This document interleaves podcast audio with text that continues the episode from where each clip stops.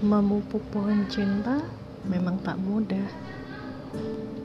Ketika memetiknya pun perlu kehati-hatian supaya duri-duri tak melukai jarimu. Bodohnya, ketika sudah dalam genggam, kita kerap lupa bahwa yang kau petik perlu kau siram, kau pupuk,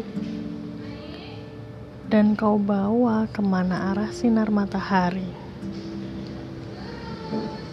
Itu mengapa kau tak perlu tanya kenapa buahmu sedikit busuk atau asam.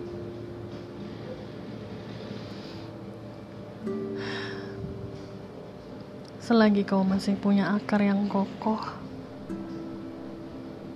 selagi kau punya siapa Tuhanmu,